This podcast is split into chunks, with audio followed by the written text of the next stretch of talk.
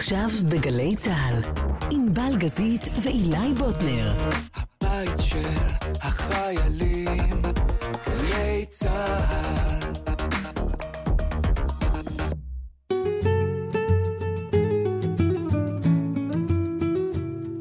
חג שמח, אילי בוטנר. חג שמח, ענבל. אני חייבת להתחיל אה, כנהוג אה, במקצועי בגילוי נאות. אנחנו, אני אעז לומר חברים. באיזה שאלה, מה זה? מיודדים. אוי ואבוי לכם הייתי אומרת משהו אחר. מכירים איזה זמן. מה זה, חברים בכמה קבוצות וואטסאפ?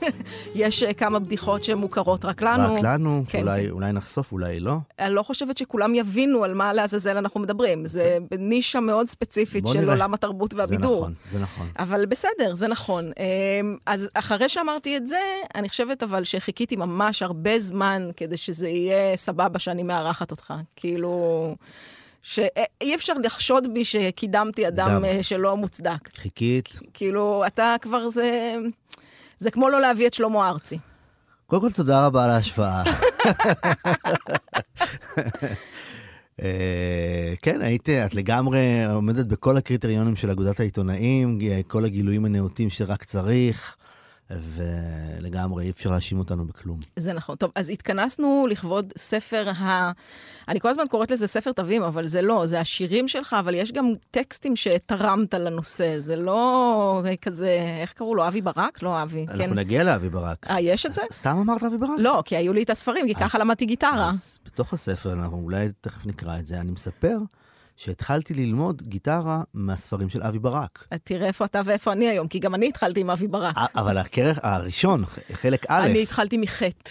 תראי. זה- זאת הייתה הטעות שלי כנראה. אוקיי, אז צריך להתחיל מאלף. חלק א' זה אגב, לא רק אבי ברק, גם- יגאל תבעל, מי שזוכר, היו שני יוצרים של הספר. זה לא היה לי. וזה ספר שהוא, כן, הוא, יש בו מילים ויש בו תווים כמובן, והשירים והכל, אבל גם הוא באמת יש בו סיפורים שכתבתי, והוא מעין ספר זיכרונות כזה נגיד. אז. נגיד שקוראים לו כמו הילד בקיבוץ, זה בכל זאת שורה משיר. שורה משיר, נכון? אה, אם כבר, אז קוראים לזה באנגלית product placement. אתה כבר, אה, שאנשים יבינו איזה עוד דברים אפשר לרכוש אה, שקשורים אליך, אבל בסדר, זה בסדר. אה, ואמרת אה, סיפורים וספר זיכרונות, רגע, ברצינות, התחלת מאוד בצד את הקריירה שלך. מוכשר ומוצלח והכול, אבל בצד. והספר הזה, אתה כבר בעיניי, אתה משלים את המהלך של לעבור לקדמת הבמה. אני עשיתי איזשהו תהליך כזה. התחלתי קודם כל כגיטריסט, בגיל 17 עם שמולי קראוס, ככה התחלתי. וגיטריסט, אה, לפחות אה, מה שהיה נהוג אז, היה לרוב בצד, רואה את הגב של האומן. והמשכתי עם זה, אהבתי את זה מאוד. ניגנתי עם המון המון אומנים שהם היו עבורי בית ספר. מריקי גל וגלי עטרי, דרך עברי לידר, ולהיות uh, גיטריסט בתוכניות טלוויזיה, כמו כוכב נולד.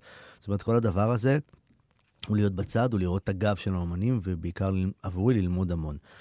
וכשהתחילו השירים, אז בעצם הקריירה שלי היא קריירה שהיא קצת שונה. היא קריירה של שיתופי פעולה, מתחילת הדרך.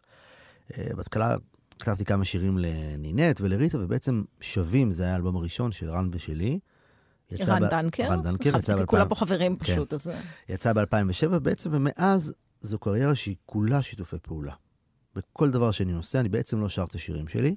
אמרת שזה זה עניין מיוחד, וזה נכון, כי יש אנשים שהם כותבים שירים. אנחנו מכירים את השמות שלהם לפעמים אפילו, הם אה, מוצלחים וטובים והכול בסדר, הם לא עומדים על הבמה. אבל אתה איכשהו בכל זאת התחלת כפרפורמר, כלהיות מי שמנגן גיטרה את השירים לא שלך, אז כתבת, אבל לא יכולת לשחרר אותם, או מה, לא יודעת. כאילו, אפשר לתת לרן דנקר את השירים ושיעבוד עם להקה. ול, ולא, זה- כן, משהו בי, כן. מה, שוב, אמרתי, שונה, אחר. זאת אומרת, אה, אה, אני לא שר, אבל כן הייתי בה כחלק מהדבר הזה. מין קריירה של יוצר שהוא, אה, אגב, זה לא, זה לא משהו שהמצאתי, זה קיים בעולם, זה קיים גם בארץ. אה, אה, עשו, מה שנקרא, עשו את זה לפניי. אה, כן, אבל אף פעם לא שרתי. ו... למה? לא, לא ראיתי את עצמי אף פעם, תפסתי את עצמי כזמר. אה, שאני לא רוצה להביך אנשים, אבל יש אנשים רבים שהם אינם נכון. זמרים והם שרים. נכון, ואולי נגיע עכשיו לסוף, לא, זאת אומרת, בהמשך לא, לזה. אנחנו לא נספר את כל מה שאנחנו כן. כותבים בוואטסאפ. כן. לא, אבל אה, מאוד אה, תחילת הדרך ועד היום אני באמת אה, עושה שיתופי פעולה. למה ואיך ולמה אתה לא שר, זו באמת שאלה שחוזרת על עצמה. המון פעמים שואלים אותי, אני מבין כאילו את הזה, וכאילו נראה טבעי, אך טבעי שמישהו שכותב את השירים שלו גם ישיר אותם. במקום שלי, אה, די מהר הבנתי אה, אספר לך סיפור, לא הרבה יודעים אותו, אבל בשירים הראשונים הראשונים שכתבתי, עשיתי להם סקיצות כאלה, ושלחתי לאחד המוזיקאים המאוד מאוד ידועים בארץ, ש, שלא עבדתי איתו, אבל הכרתי אותו, ופגשתי אותו פעם, היו אולפני זז, היום זה לא קיים, ונתתי לו, אני חושב, קלטת, או דיסק, דיסק. נתתי לו דיסק עם השירים, ואמרתי לו, תשמע, כתבתי ככה כמה שירים וזה וזה. והוא חזר אליי אחרי כמה זמן, אמר לי, תשמע, שמעתי את השירים, הם מאוד מאוד יפים, ואז הוא שואל אותי, ואגב, בסקיצות אני שר. מן הסתם, כן. בדרך כלל לא מבזבזים כסף על בדיוק. סקיצה להביא... ואז הוא שאל אותי בשיא הדנות, תגיד, אתה מתכוון לשיר את השירים שלך? עכשיו, אני לא יודע למה הוא התכוון, רצה לדעת אולי, אולי, אני זיהיתי בתוך הדבר הזה עוד משהו שנתן לי, שהכניס אותי לאיזשהו חוסר ביטחון. זו האמת. ודי ידעתי שאני לא הולך לשיר את השיר הזה, אבל מוזיקאי שמאוד מאוד הערכתי דעתו, והוא ככה איש בעל, בעל, באמת בעל שם, אמרתי, אולי כנראה זה מה שצריך לעשות, והמשכתי עם זה. והאלבום הראשון עם רן מאוד מאוד הצליח, גם, גם, גם ברדיו וגם אחר כך בהופעות, וראיתי כי טוב, ראיתי שזה זה אחלה קומבינה, מה שנקרא. טוב, יש לומר שחוץ מאוזן טובה לכתיבה, אתה מזהה גם מבצעים שהם מדהימים. זאת אומרת, לא סתם התחלת מריטה ונינט, רן הוא זמר ענק. נכון. בכל ז'אנר כמעט. אה, בטח אה, החבר'ה שאתה עובד איתם עכשיו, ילדי החוץ, נכון. אה, כל אחד מיוחד בדרכו, אבל ווקאלית הם אדירים. נכון. זאת אומרת, אתה, אתה אומר, אם כבר ללכת על זה, אז עד הסוף. כן, אני אמרתי, אני כותב שירים. אגב, בהתחלה לא ידעו אגב על מה השירים. אמרתי, אני כותב שירים, אולי יום אחד יבואו וישאלו אותך גם על מה הם, וגם אם לא, הכל בסדר. באמת, אמרתי לעצמי כזה, מין, מין יוצר שבתחילת דרכו, שלא יודע איך השירים שלו בכלל אמורים להתקבל, איך יגיבו, האם זה טוב, האם זה לא... באמת חוסר ביטחון מוחלט, כי לא חלמתי בכלל לכתוב שירים. אני מספר את זה בספר. זה לא היה חלום שלי באף שלב. מה היה החלום שלך? להיות גיטריסט. לראות את הגב של האומנים, מאיזה גיל אתה זוכר שזה כאילו הדבר? ברגע שהתחלתי לנגן, אמא שלי אמרה לי את המשפט, אם תהיה מספיק טוב, עוזי ייקח אותך ללוות אותו. עוזי זה הזמר של הקיבוץ. וכל עיניי היו נשואות לעוזי, לחגים. מתי החג, האם בחג הזה עוזי יזמין אותי? לא. האם ביום העצמאות הקרוב אני אזכה? לא.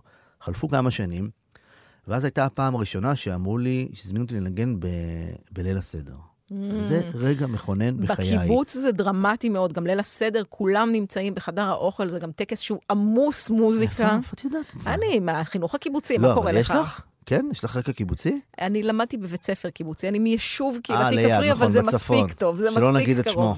אבל אתה היו איתי? בנוער עובד, אגב. ברור, מה זה? קומון- כן, אה, קומונרית מכן בדיוק. חיים, אני עוד עשיתי שנת שירות.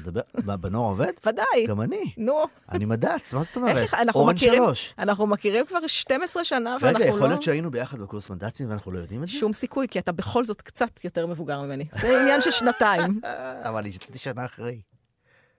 נשבע. לא יצאתי מהכיתה שלי. כי, יצאתי כי, שנה אחרי. כי הפסקת תיכון ולמדת שם איזה בזה, עניינים, כן. הבנתי. לא, אני לא. הייתי אה, בסמינר אה, חוות אה, וסמינר משלחת ב-98. וואו. אגב, הנוער העובד, כן. אחד הרגעים ואחד ה... התקופות הכי משמעותיות שאני עד היום נזכר בהם בערגה אמיתית.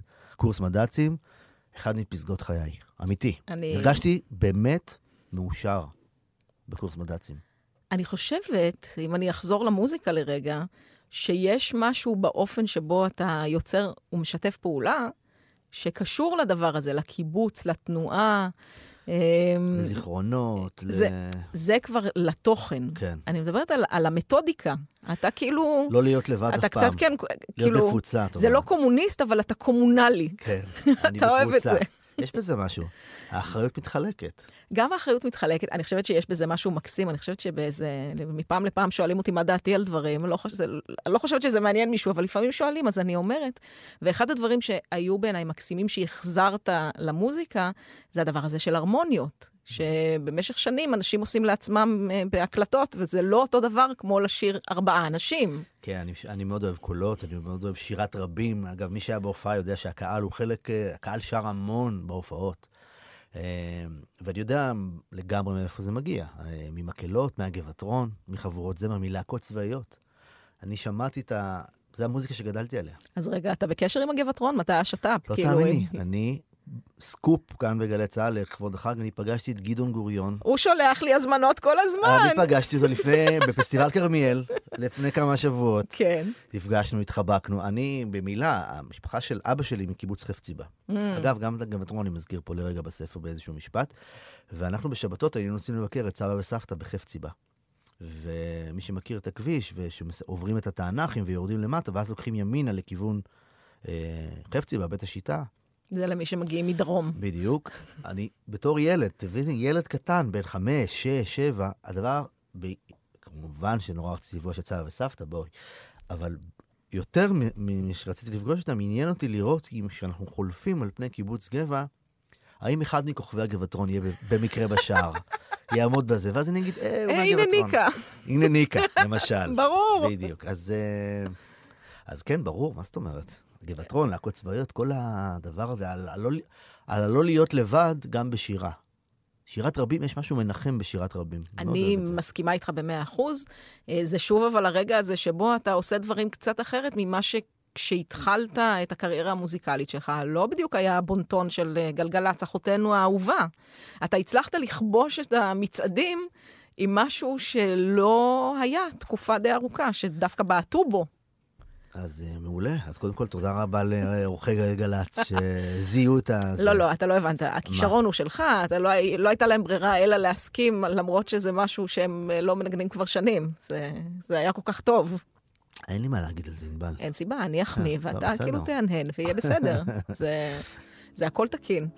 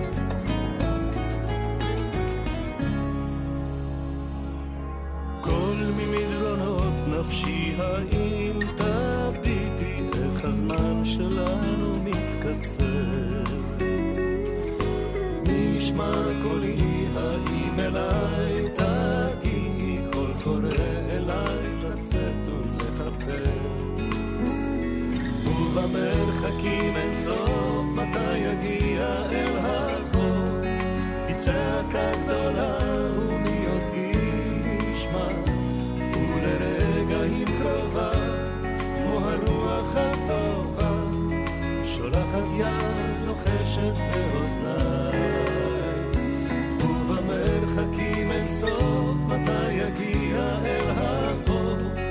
בצעקה גדולה הוא מי אותי ישמע, ולרגעים קרובה, כמו הרוח הטובה, שולחת יד לוחשת ב...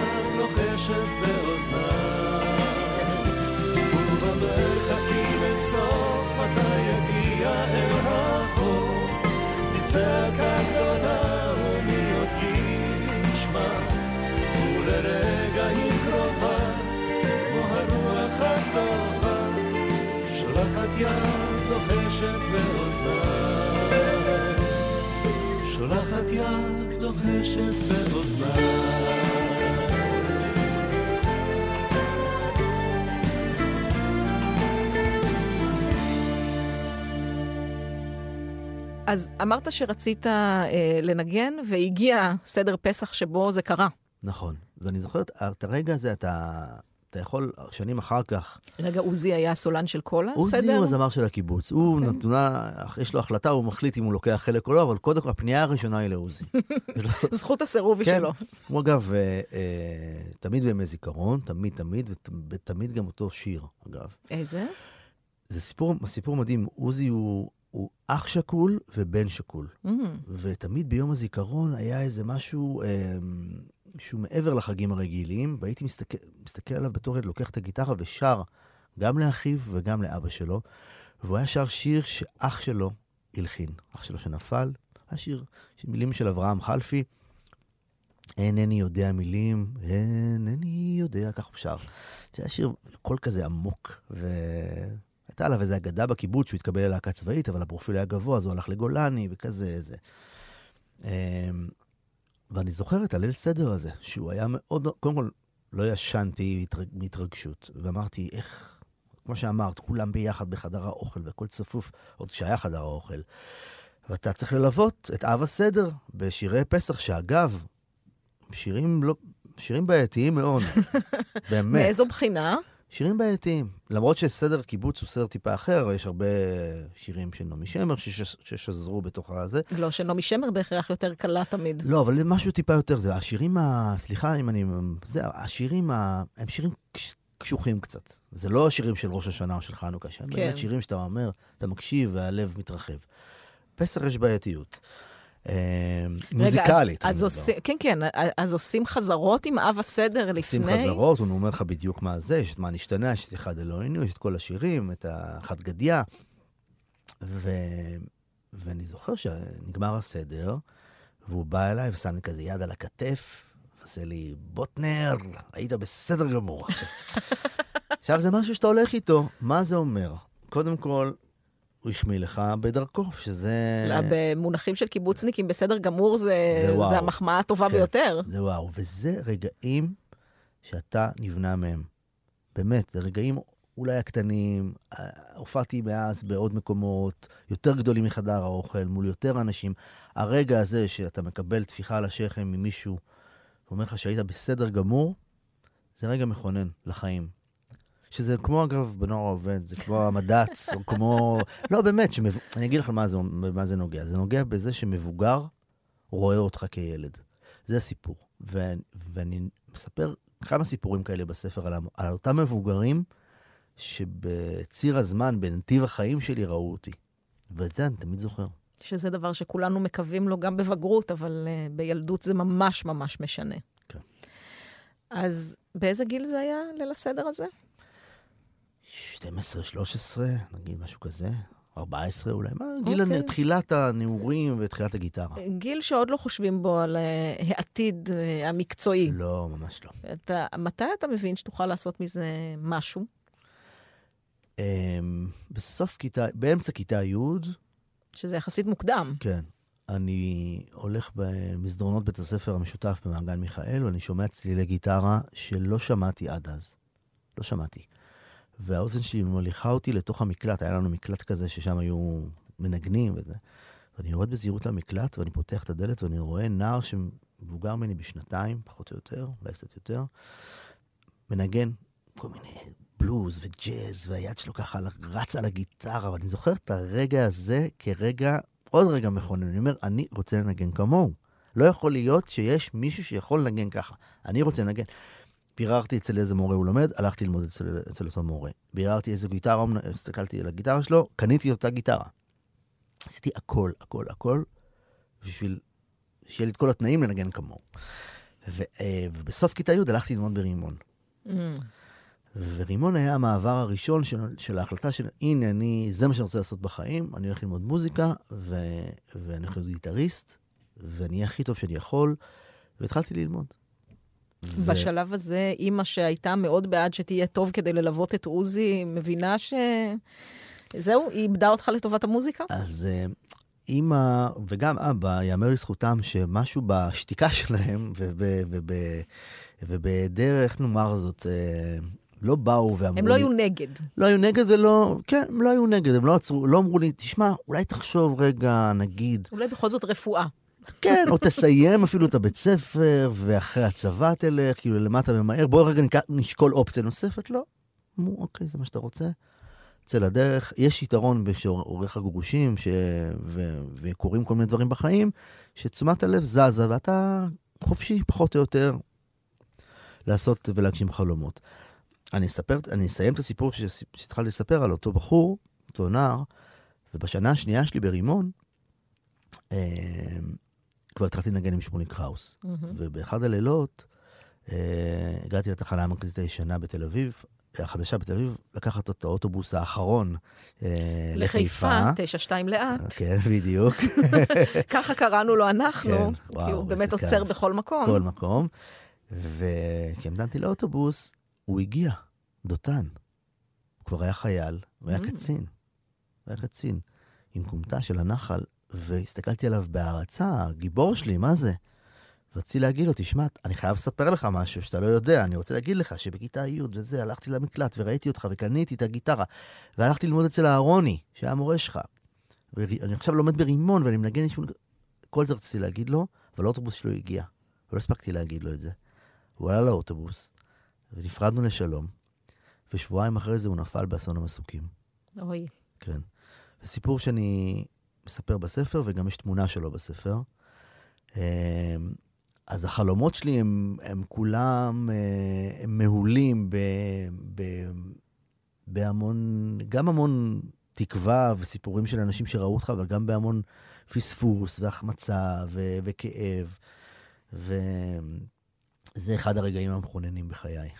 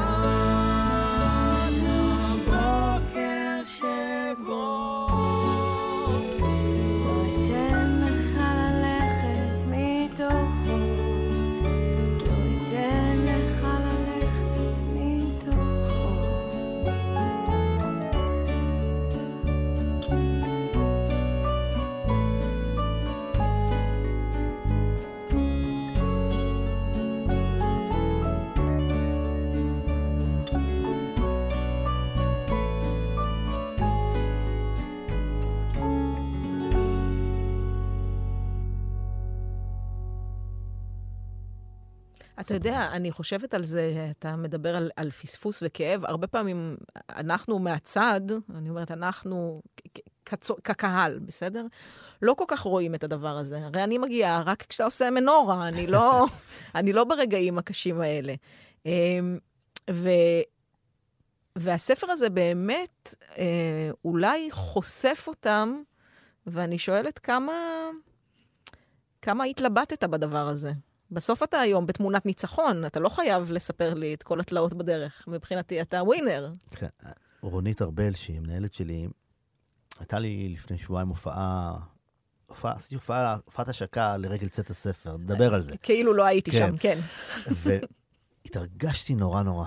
כאילו לא התרגשתי אף פעם ככה. ולא יכולתי בחזרות לשיר את השירים. זו הופעה שנשאר בה את השירים.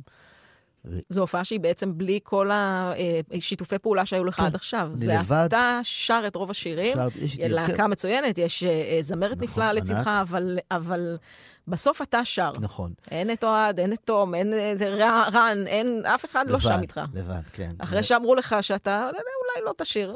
כנראה תהליך, אבל... אה, ובחזרות, אה, לא הצלחתי לשיר, אני לא הצלחתי לספר, לא הצלחתי לשיר, הכל עולה לי ואני מתרגש. ורונית אומרת לי, תשמע, אני רוצה שתדע שאתה עולה לבמה, תזכור את זה. אתה עולה עם ניצחון. זה לא ערב עצוב. זה לא, אבל אני אומר, רונית, אבל אני לא יכול, היא אומרת לי, זה בסדר, תן לזה מקום, תבכה, אם אתה מרגיש שאתה צריך לבכות, תבכה, תן לזה ביטוי. אבל תזכור שאתה עולה ואתה בניצחון. אתה בניצחון. וה... וזה גם מרגש, לחשוב שאתה בניצחון, ואנשים באו לראות אותך, ו... ו... וכאילו, וזה נורא מרגש, יוצא ספר, וכל הסיפור הזה הוא מרגש. אז זה, זה שמחה ועצב שמהולים ביחד. אה, וכמה זה היה קשה לי. אה, חשיפה זה דבר קשה, אני, אני חושף פה... זה קשה לי, זה קשה לסביבה שלי, קשה למשפחה שלי. הם לא בחרו אה, להיות על במות ולהופיע וזה, והם חלק מהסיפור. הם מופיעים פה הרבה, אני מספר פה הרבה על המשפחה האמת היא שלי. שאתה אתה גם שר, אבל על המשפחה נכון. שלך לא מעט. זאת נכון. אומרת, הם כבר היו אמורים להתרגל.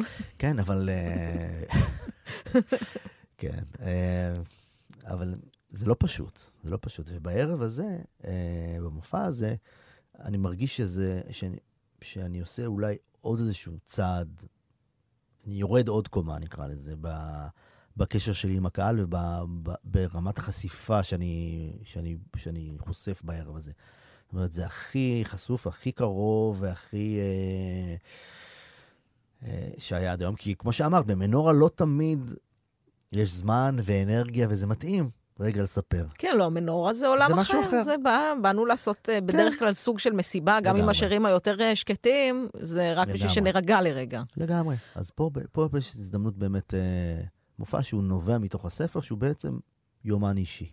טוב, אני מזכירה את הגילוי הנאות, שאנחנו בכל זאת חברים, אז אמרתי לך גם אחרי המופע הזה, ישבתי בשורה אחת עם כמה מידידינו, נאמר שהטישו עבר שם אה, בכמה רגעים. כן.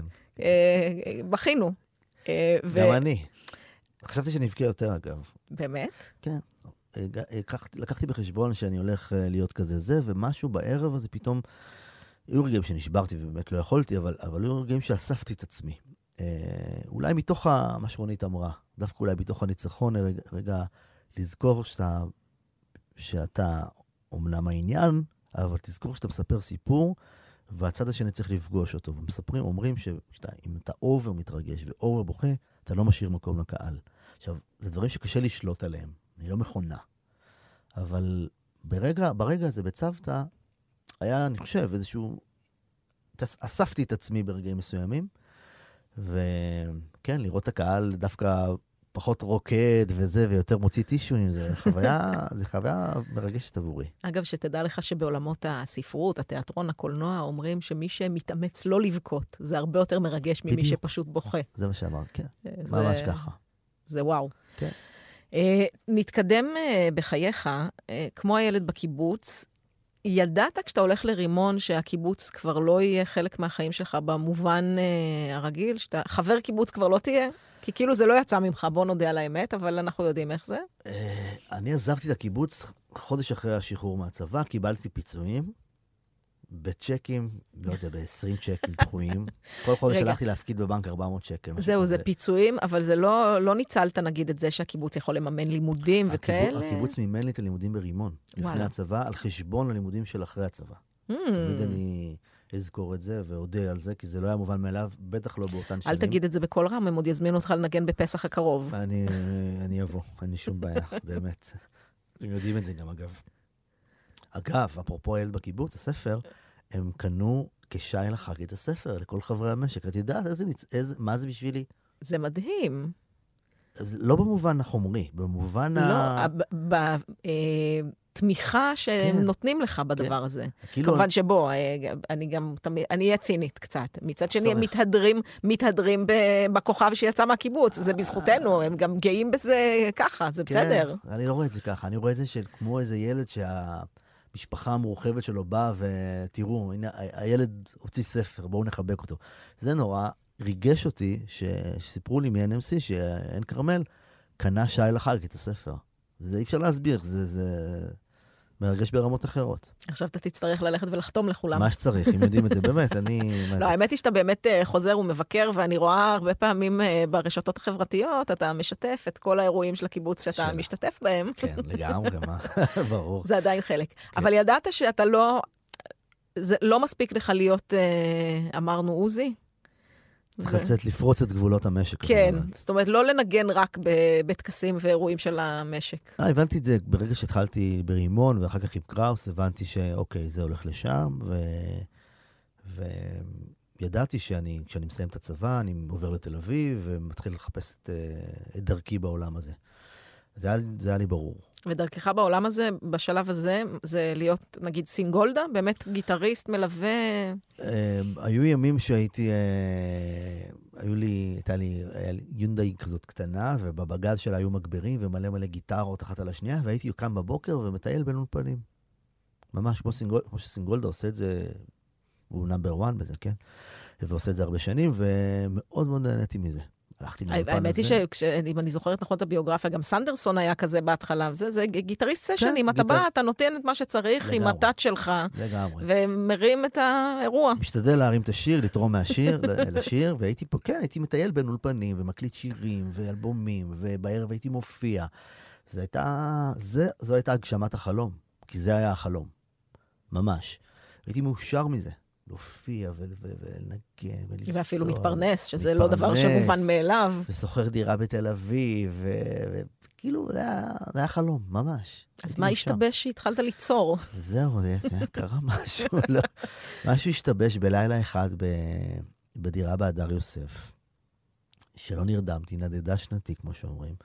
וכתבתי, התחלתי לכתוב סתם, בלי שום דבר, בלי שום רצון לעשות עם זה משהו. התחלתי לכתוב, ויצא לי איזה שיר, והזמנתי שני חברים, ואמרתי להם, תראו, יצא לי איזשהו שיר, אני רוצה להשמיע לכם. תגידו לי, יש בזה, יש בזה, זה שווה משהו? תגיד, תגידו את האמת. בית, פזמון, המנגינה, זה מה, מה זה, ח... זה כאילו, זה טוב, מה? וניגנתי להם. ואמרו לי, וואו, זה ממש יפה. זה, זה, אתה כתבת, כן, מה, וואו, מה זה וזה. למה סוף העונה? מה זה, למה קראת לזה סוף העונה? ואז סיפרתי להם על עץ גויאבות מחוץ לחדר, שהיו לו, שהגויאבות היו מבשילות מדי והיו נרקבות, היו נופלות על הארץ, ומסביב לעץ הגויאבות היו מלא מלא גויאבות. והמשלתי את זה לאיזו אהבה שנעלמה ונגמרה, וקראתי לזה סוף העונה. וזה השיר הראשון שכתבתי. והרגע הזה שפתאום נהיה בך עוד משהו שלא ידעת שקיים בך, הוא התגלות, הוא משהו שהוא... משהו שאתה, אחד, לא חלמת, שתיים, אתה נורא, אני נורא אוהב שירים. אני, כאילו, אם מש, משהו אני אוהב, לא, אני מעריץ גיטריסטים, ו... אבל אני אוהב שירים. ואני תמיד, גם כגיטריסט, תמיד אהבתי לנגן שירים, ללוות שירים. לא ללכת ולעשות סולואים מטורפים, אני לא שם. עד היום, אני עושה. אני... צריך פשוט כן, לשיר ברור. גם איזה סולו, אבל... צריך אה, איזה סולו קטן.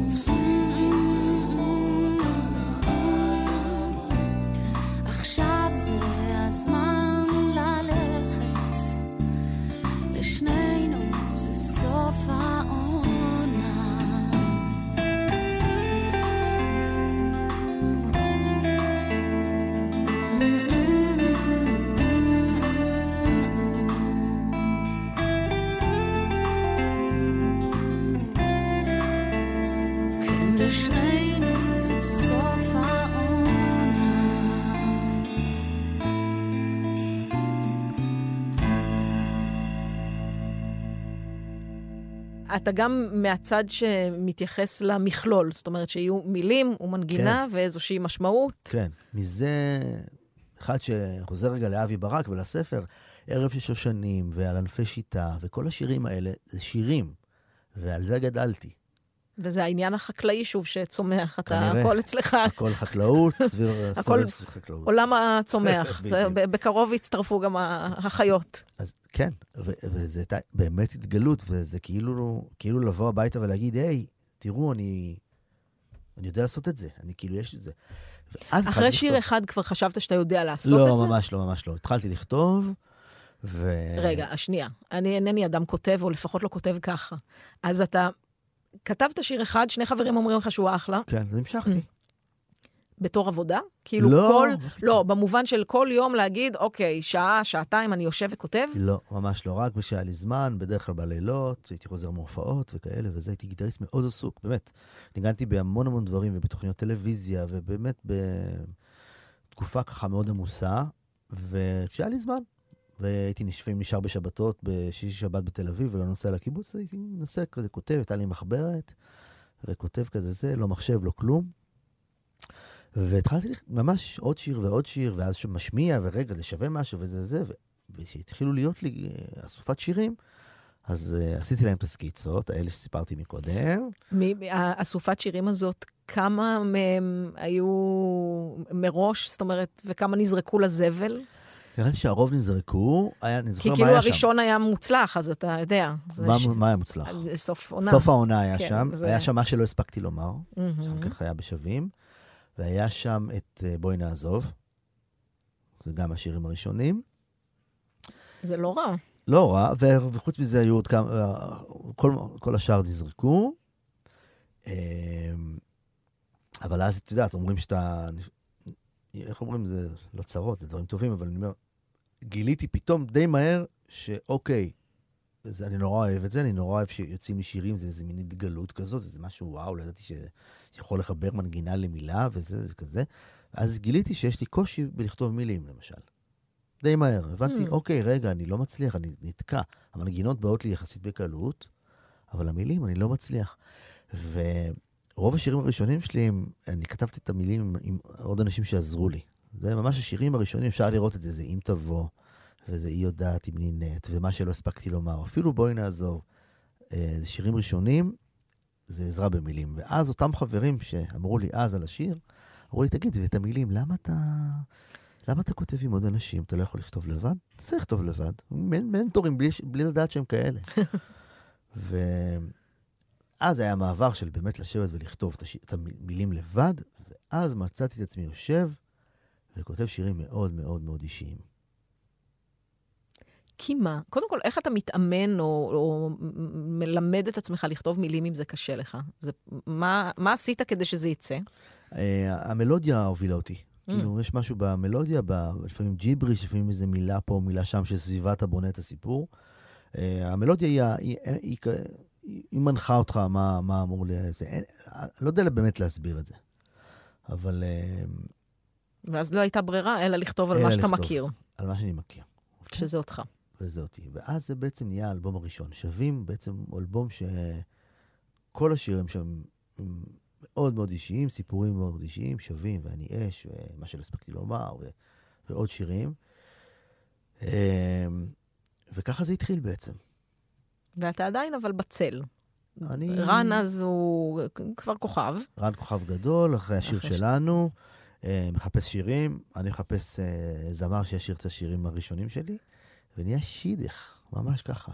ממש אה, ב- בלילה אחד נכנסנו לאולפן, עשינו כמה, הקלטנו כמה סקיצות, אה, וזה מה שנהיה לימים, בעצם האלבום הראשון. מי חשב שזה רעיון טוב שזה יהיה בעצם צמד? אה, שוב, באותה תקופה זה לא. המובן מאליו שאדם שכתב את השירים, בסדר, אתה גם מנגן איתו, שהוא מקבל קרדיט שווה. כן. זה לא אה, היה. אני חושב שזה, גדי גידור הוא, האדריכל של החיבור בינינו, הוא גם הפיק את האלבום הזה מוזיקלית. אה, ואחד מהאנשים שבאמת מהשיר הראשון, אני עוד זוכר את הסקיצות ששלחתי לגדי של אם תבוא ושל היא יודעת וכל מיני, ממש ממש, ממש מהשיר הראשון. אה, אני חושב שהמקום שלי בתוך הדבר הזה, ודווקא אה, המקום הזה ש, שניתן לי בתוך הצמד הזה, הוא נובע מתוך השירים. גדי כן ידע על מה השירים, וכן ידע אה, מה מסתתר מאחורי ומה הסיפור. ומההיבט האישי היה מאוד הגיוני שהיוצר, שהוא אני, שאומנם לא שר את השירים, זה יהיה, הוא יהיה חלק מהדבר הזה, חלק מרכזי, כי זה שירים שלו, ואלה שירים מאוד אישיים שלו וסיפור חייו.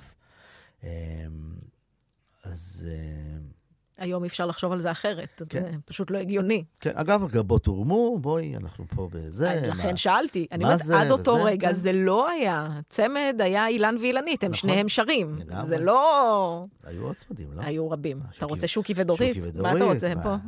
אין סוף צמדים. אנחנו עוד נס- עכשיו נשיר בהרמוניות, אין. סיבה. אה, בסדר, זה בסדר. אז אתה יוצא לדרך עם רן דנקר, אבל... אה, אגב, מילה על רן, כשאני כן. חושב על זה עכשיו, בלי, באמת לא תכננתי, פתאום אני חושב על זה, על המקום שלו. הוא באמת מגיע מהשיר שלנו. אמנם לא הקליט עד אז שום אלבום ושום שיר, אבל באמת מפורסם מאוד, וכל הזה. וכולם יודעים שהוא יודע לשיר מצוין. כולם יודעים כי מהשיר שלנו, ופתאום הוא מגיע ושם רגע את האגו שלו טיפה בצד, וזה נורא יפה. אני היום חושב על זה ממרחק הזמן, לבוא ולהגיד, וואלה, יכל באותה מידה להגיד, לא, אני מוציא אלבום שלי, אלבום סולו, אתה רוצה לתת לי את השירים, תיתן לי, אתה לא רוצה, אני אלך לאחרים. הוא לא עשה את זה, וזה יפה מאוד, במרחק הזמן, אה, לראות את זה, ובאמת, לא מובן מאליו. האמת שכשאני חושבת על זה, אה, ועל האנשים שמקיפים אותך, גדי עדיין איתך. נכון, ברור. רן, כל פעם שאתה מזמין הוא בא פחות או יותר, אלא אם הוא לא בארץ. זאת אומרת, אתם עדיין אלא מנסה חברים. להתחתן או משהו. כן, כן, כן. בסדר, כן. צריך לפעמים גם לעשות דברים לביתך. בדיוק, אין מה לעשות. אבל, אבל זה באמת, גם כשמערכת היחסים המקצועית אולי כבר פחות חזקה, אתה עדיין חבר של כל האנשים האלה. זה לא, לא נפרדת מאף אחד בלהקה כמו הביטלס, אז כאילו... מוכנה לקלישאה, תן לי. שירים עם ילדים. אתה לא נפרד אף פעם מהילדים שלך. ו... ואני, לרן ולי יש הרבה ילדים משותפים, וכמו כל אחד ואחת שעשיתי איתם שיתוף פעולה במ- במרוצת השנים, אין, אה, יש לנו משהו משותף, הוא נצחי, שיר הוא גם נצחי. זה נורא חמוד שהשווית השווית לילדים, כי בגירושין, למשל, אז הילדים. זזים מצד לצד. מי כמוני יודע. אתם שמרתם על מערכת יחסים, אה, למרות שלא המשכתם ליצור יחד. כן. זה משהו שמאוד מאפיין אותך, אה, השימור הזה של האנשים בדרך. שואלים אותי אם אני עושה תיקון היום כהורה על הילדות שהייתה לי ועל המ- על התא המשפחתי שחוויתי. אז אחד מהדברים שלמדתי לא לעשות זה לא לסיים ברע. ההורים שלי סיימו ברע. עד היום. עד היום. הם לא יושבים באותה שורה בהופעה, הם לא, אה, הם לא מדברים, הם סיימו ברע. ואני אמרתי לעצמי, גם אם משהו נגמר, תמיד לסיים אותו יפה. תמיד להשאיר דלת פתוחה. שום דבר לא ברע, שום דבר לא בכעס, אסור לעשות את זה. אז כאילו, סליחה על ההגבלה, אבל אני תמיד, אה, גם אם הפסק, הפסקנו אה, לשתף פעולה ברמה המוזיקלית, אנחנו לא מקליטים, תמיד, תמיד אנחנו בהדלת פתוחה, ותמיד נארח ונתארח אחד אצל השני, וככה זה תקף לגבי כל מי ש... שעבדתי איתו. אתה יודע, כשאתה כותב את השירים האלה אה, בחדר הפר, הפרטי, מה שנקרא, החדר המנטלי, אה, מה מהם יהיה נצחי? מה יפרוט גם על הנימים שלי? אפשר לדעת את זה.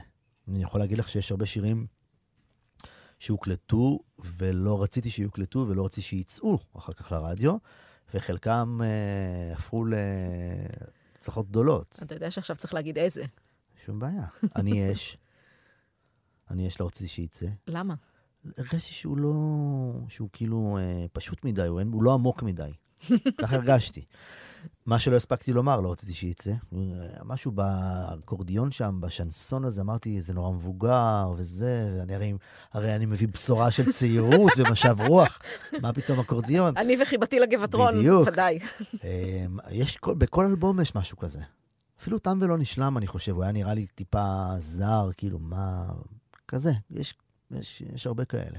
אז מי, ב- מי בחייך עומד בצד ואומר, אה, אה, תשמע, על כל דבר אתה מוצא איזה פגם, תקשיב לי. כן. אה, יש את גדי, שהוא תמיד, זה, יש את שירי, אשתי. אה, אני, אני מקשיב לס- לסובבים אותי, אני דואג להקשיב להם, אה, ואני שמח הרבה פעמים שאני טועה. אגב, יש לי גם מקרים שאני, שאני בטוח ששירים יהיו וואו, וזה לא קורה. זה גם לא צריך להגיד, לא, זה לא צריך להגיד. אפשר להגיד את זה, זה בסדר. זה אומר שאתה לא צודק חלק מהזמן. בדיוק. גם בהצלחות וגם בכישלונות. בדיוק, זה בסדר גמור. זה להיות אנושי. בדיוק. אנחנו זה בתוכנית מה שאני הזאת... רוצה שיעבור בדיוק. בתוכנית. אתה, נוריד אותך לעם. זה מה שיקרה כאן. תם ולא נשלם, נחתם עוד פרק בעולם. אני אמצא לי אור קטן, אני אמצא תקווה קטנה באפלה, שבחיי לו רק יכולתי אז אולי לשים את כל הכעסים, את כל הפחד השקרים שבחיי. שבחיי. תם ולא נשלם, תמיד אהיה אותו אדם, המחפש כמו כולם, להיות עוד משהו בעולם, המנוכר. והפוגע, זה שרואה, זה ששומע, המציאות העגומה, כמו אהבה שנעלמה, אז אני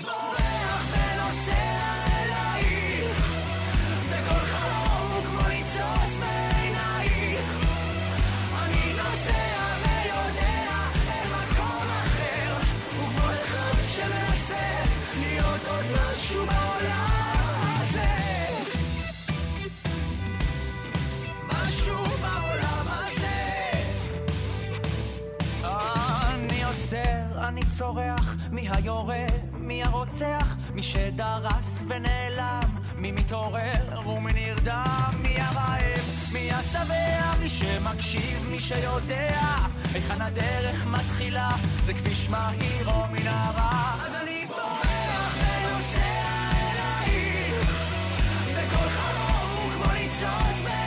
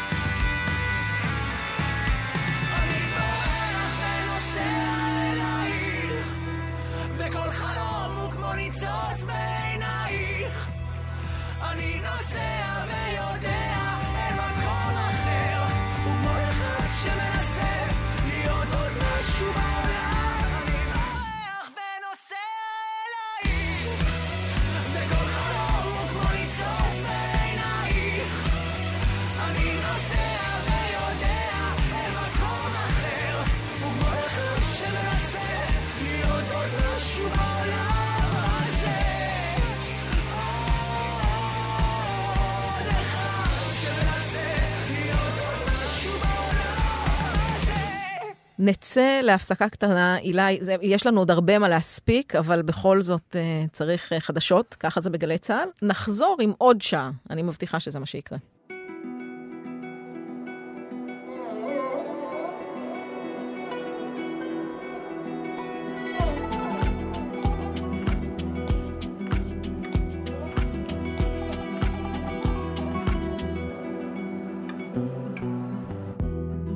בחלומות שלי יש ים, כאילו לא חלף הזמן, ורק אני נשארתי ילד. שמנגן לך בלילות את כל אותן המנגינות, את השירים שאת אוהבת. בחלומות שלי יש צל, תמיד הלילה הוא אפל, מחפש מקום לברוח. כל הסודות שבליבי, כף ידך בכף ידי, רק אלוהים יכול לשכוח. בחלומות שלי את שם, כאילו לא חלף הזמן, את יפה ומאושרת. אם את שומעת את קולי, אם היית פה לידי, יכול היה להיות אחרת.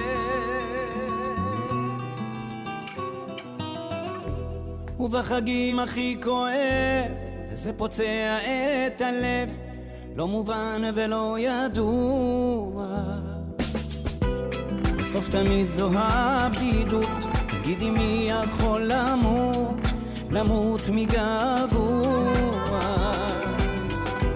אם תחפשי מקום לבכות, אני אהיה שם לחכות, אותו השביל, אותו הבית. לחלומות שלי אין סוף, את כל העצב לאסוף, ואז תמיד לחזור אלייך. בחלומות שלי את שם, כאילו לא חלף הזמן, את יפה ומאושרת. אם את שומעת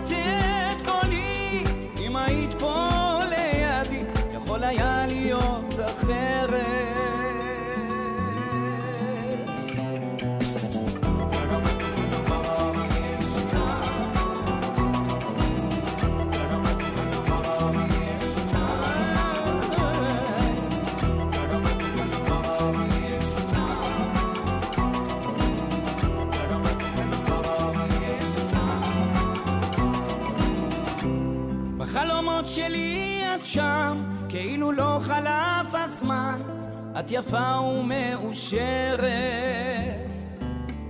אם את שומעת את קולי, אם היית פה לידי, יכול היה להיות אחרת.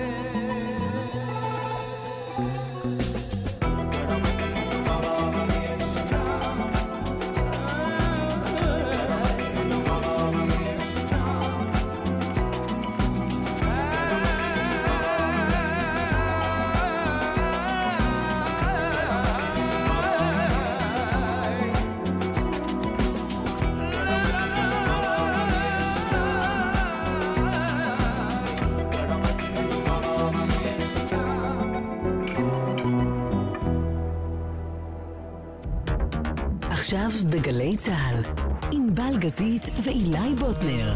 הבית של החיילים,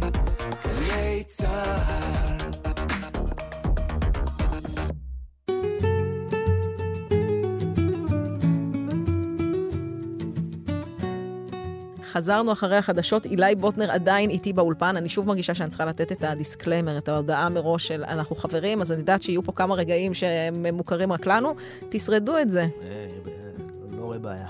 לא, אבל אה, אה, הזכרת עכשיו, אה, נכנסה לחיינו שירי. שירי שלנו, כן. היא שלנו, שלך, הלוואי הייתה גם שלי, שאישה נהדרת ונפלאה ככל שאני מכירה אותה. כן, לגמרי. אמ, וגם פה, נגיד, אה, אה, חייך, הקריירה והמוזיקה, לא, זה לא היה מובן מאליו שהזוגיות הזאת תסתדר עם זה.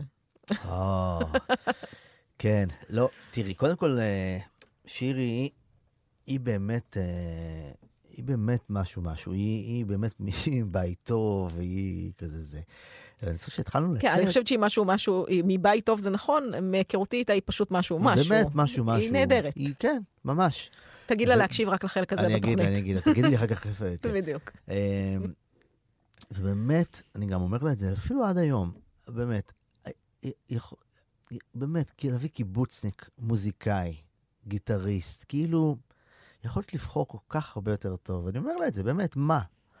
אבל אמ, כמה שנים אתם ביחד? אנחנו היינו ידידים, ידידים, שלוש שנים. כבר התחלה טובה. נכון? כן. שלוש שנים ידידים. נפגשים במקום שהיה פתוח 24 שעות על אבן גבירול, אני הייתי מגיע אחרי הופעות, היא הייתה מגיעה אחרי העבודה, נפגשים. ידידות. אפילו חברים שלי, אה, שידעו שאני ידיד טוב שלה, שאלו אותי אם אני אוכל לסדר דייטים וכאלה וזה וזה. ובהתחלה עוד סידרת. ניסיתי לסדר, היא תמיד הדפה את זה, תמיד הדפה את זה. אז באיזשהו שלב, זה משהו שלא סיפרתי אגב, באיזשהו שלב, אה, אחרי שגם ניסיתי לסדר לה איזה חבר, היא מסתכלת עליי ואומרת לי, תפסיק לסדר לי את חברים שלך. ומשהו שם במבט הזה, אני זיהיתי מעבר, שהיא רוצה להגיד לי מעבר. כאילו יש שלוש שנים, המשך. שלוש שנים לא הבנת את כן. הרמז, ועכשיו... אז הייתה לי יום הולדת, ואף אחד לא התקשר אליי. היה לי באמת הקיץ של אבי האמיתי, והיחידה שהתקשרה אליי הייתה שירי ב-11 בלילה, שאלה אותי אם אני בבית. אמרתי לה, כן. היא אומרת לי, תכפת לך רגע, אני, אני מתחת לבית שלך, תרד רגע.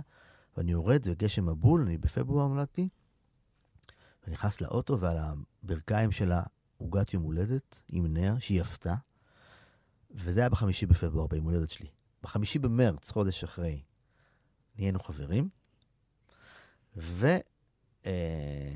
והתחתנו אחרי ארבע שנים לדעתי, או שלוש שנים אחרי שנהיינו חברים, התחתנו, ו-18 שנה אחרי אנחנו נשואים, יש לנו ארבעה ילדים, שהקטנה ממש בת שמונה חודשים, ו...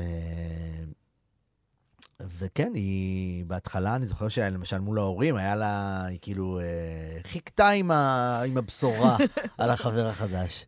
לך תספר להורים וזה, מתל אביב, אני יוצאת עם קיבוצניק, ההורים גרושים, המשפחה זה, הוא גיטריסט, הוא זה. אבל לקח לה זמן, ואני זוכר שכשהתחלתי לכתוב שירים, אז זוכר רגע אחד מכונן, שאבא של שירי אה, הכיר לי את אחד החברים, הוא אומר לו, אמר לו, זה אילי, הוא החבר של שירי, הוא מוזיקאי, אבל הוא גם יוצר. ואז זה כאילו, היה איזה חותמת, אוקיי, יוצר זה בסדר. אני, אני לא יודעת מה עושים ההורים של שירי, אבל הוא מבין שיוצר אומר שהתמלוגים נכנסים גם אם לא מזמינים אותך להופעה. הוא חושב שהכל בסדר. כן. Uh, עד כמה שירי אז מעורבת, uh, שותפה, uh, מייעצת uh, לעולם המוזיקלי? השירים זה- מאוד אה, היא, מעורבת. היא הרי לא באה מזה. לא, ממש לא, אבל היא מאוד מעורבת. היא שומעת את השירים הראשונים, ממש. ו... היא בדרך כלל אוהבת את הבלדות, את השירים השקטים, את העצובים, דווקא עם הקצביים יותר קשה לה, אבל... אה, בסדר, אבל זה עניין של טעם. כן, לגמרי. אה, היא הראשונה ששומעת, ואני יכול לספר שאת האלבום הראשון, את שווים, עוד לפני רן, זה אלבום שהפקתי עצמאית, אה, מהחסכונות שלי ומה... ושירי הפיקה את האלבום, זאת אומרת, ממש לפני כמה ימים היא מצאה את החוברת, שהיא, את המחברת שהיא עשתה את הלוז. היינו, לקחנו ארבעה ימים, היה לנו כסף לארבעה ימי אולפן. והיא ממש סידרה את, ה, את הימים לפי, את ה... פה מקליטים כינורות, ופה מקליטים את זה, ותופים, ואת זה, כל יום, כל יום, כל יום, כל יום. והיא הפיקה את האלבום הזה, עזרה לי באלבום הזה, וזה האלבום הראשון, את שווים, היא הפיקה. אז... אה, צריך שיהיה לה רק קרדיט באלבום מפיקה. כן, האמת שכן. לא, היא ממש עשתה... אז היא מאוד מאוד מעורבת, ברור. לא, אתה אומר ברור, זה לא תמיד ברור. זה- לא, אצלי כן, היא גם מעורבת למשל ב... למשל בתיאטרון, בשירים שאני כותב להצגות וזה, אז אה, זה אגב יותר קל לי משום מה לתת, לתת לה להקשיב. כי זה באמת? כאילו- כן, אני גם יודע למה, כי זה כאילו לא, לא אישי. זה- אתה שר אה, ל... עכשיו, בלוז החופש הגדול, אז נגיד יש שיר על צביליך, אז אתה לא חושף שום דבר בצביליך, זה שיר שאתה כתבת יחד עם חברים אחרים, אבל אתה אומר, אה, יותר קל לך לה- להשמיע דברים שהם לא אישיים. למרות שגם... אז זהו, אני אטען פה שזו תזה מעניינת, אבל אני לא בטוחה עד כמה היא נכונה. זה מרגיש לך אולי קצת אה, יותר רחוק. כן, אבל כשאני חושבת על השירים באפס ביחסי אנוש, למשל, כן, נכון. אה, אדם שחלם לצאת מהקיבוץ לתל אביב כדי לנגן, או חיילת שרוצה לנסוע לעזריאלי, כן. בסוף יש שם איזה יש משהו. משהו שמחבר. כן, יש את החלום. כן. לא, אבל שירי לגמרי מעורבת בהכל. לגמרי. האמת שאני חושב על זה, גם את השירים הכי אישיים, אין לי שום בעיה להשמיע לה. כשאני חושב על זה, ממש. כאילו, עם השנים היא... כאילו, אני בסדר עם זה, ממש. אשת חיל מי ימצא. לגמרי, לגמרי.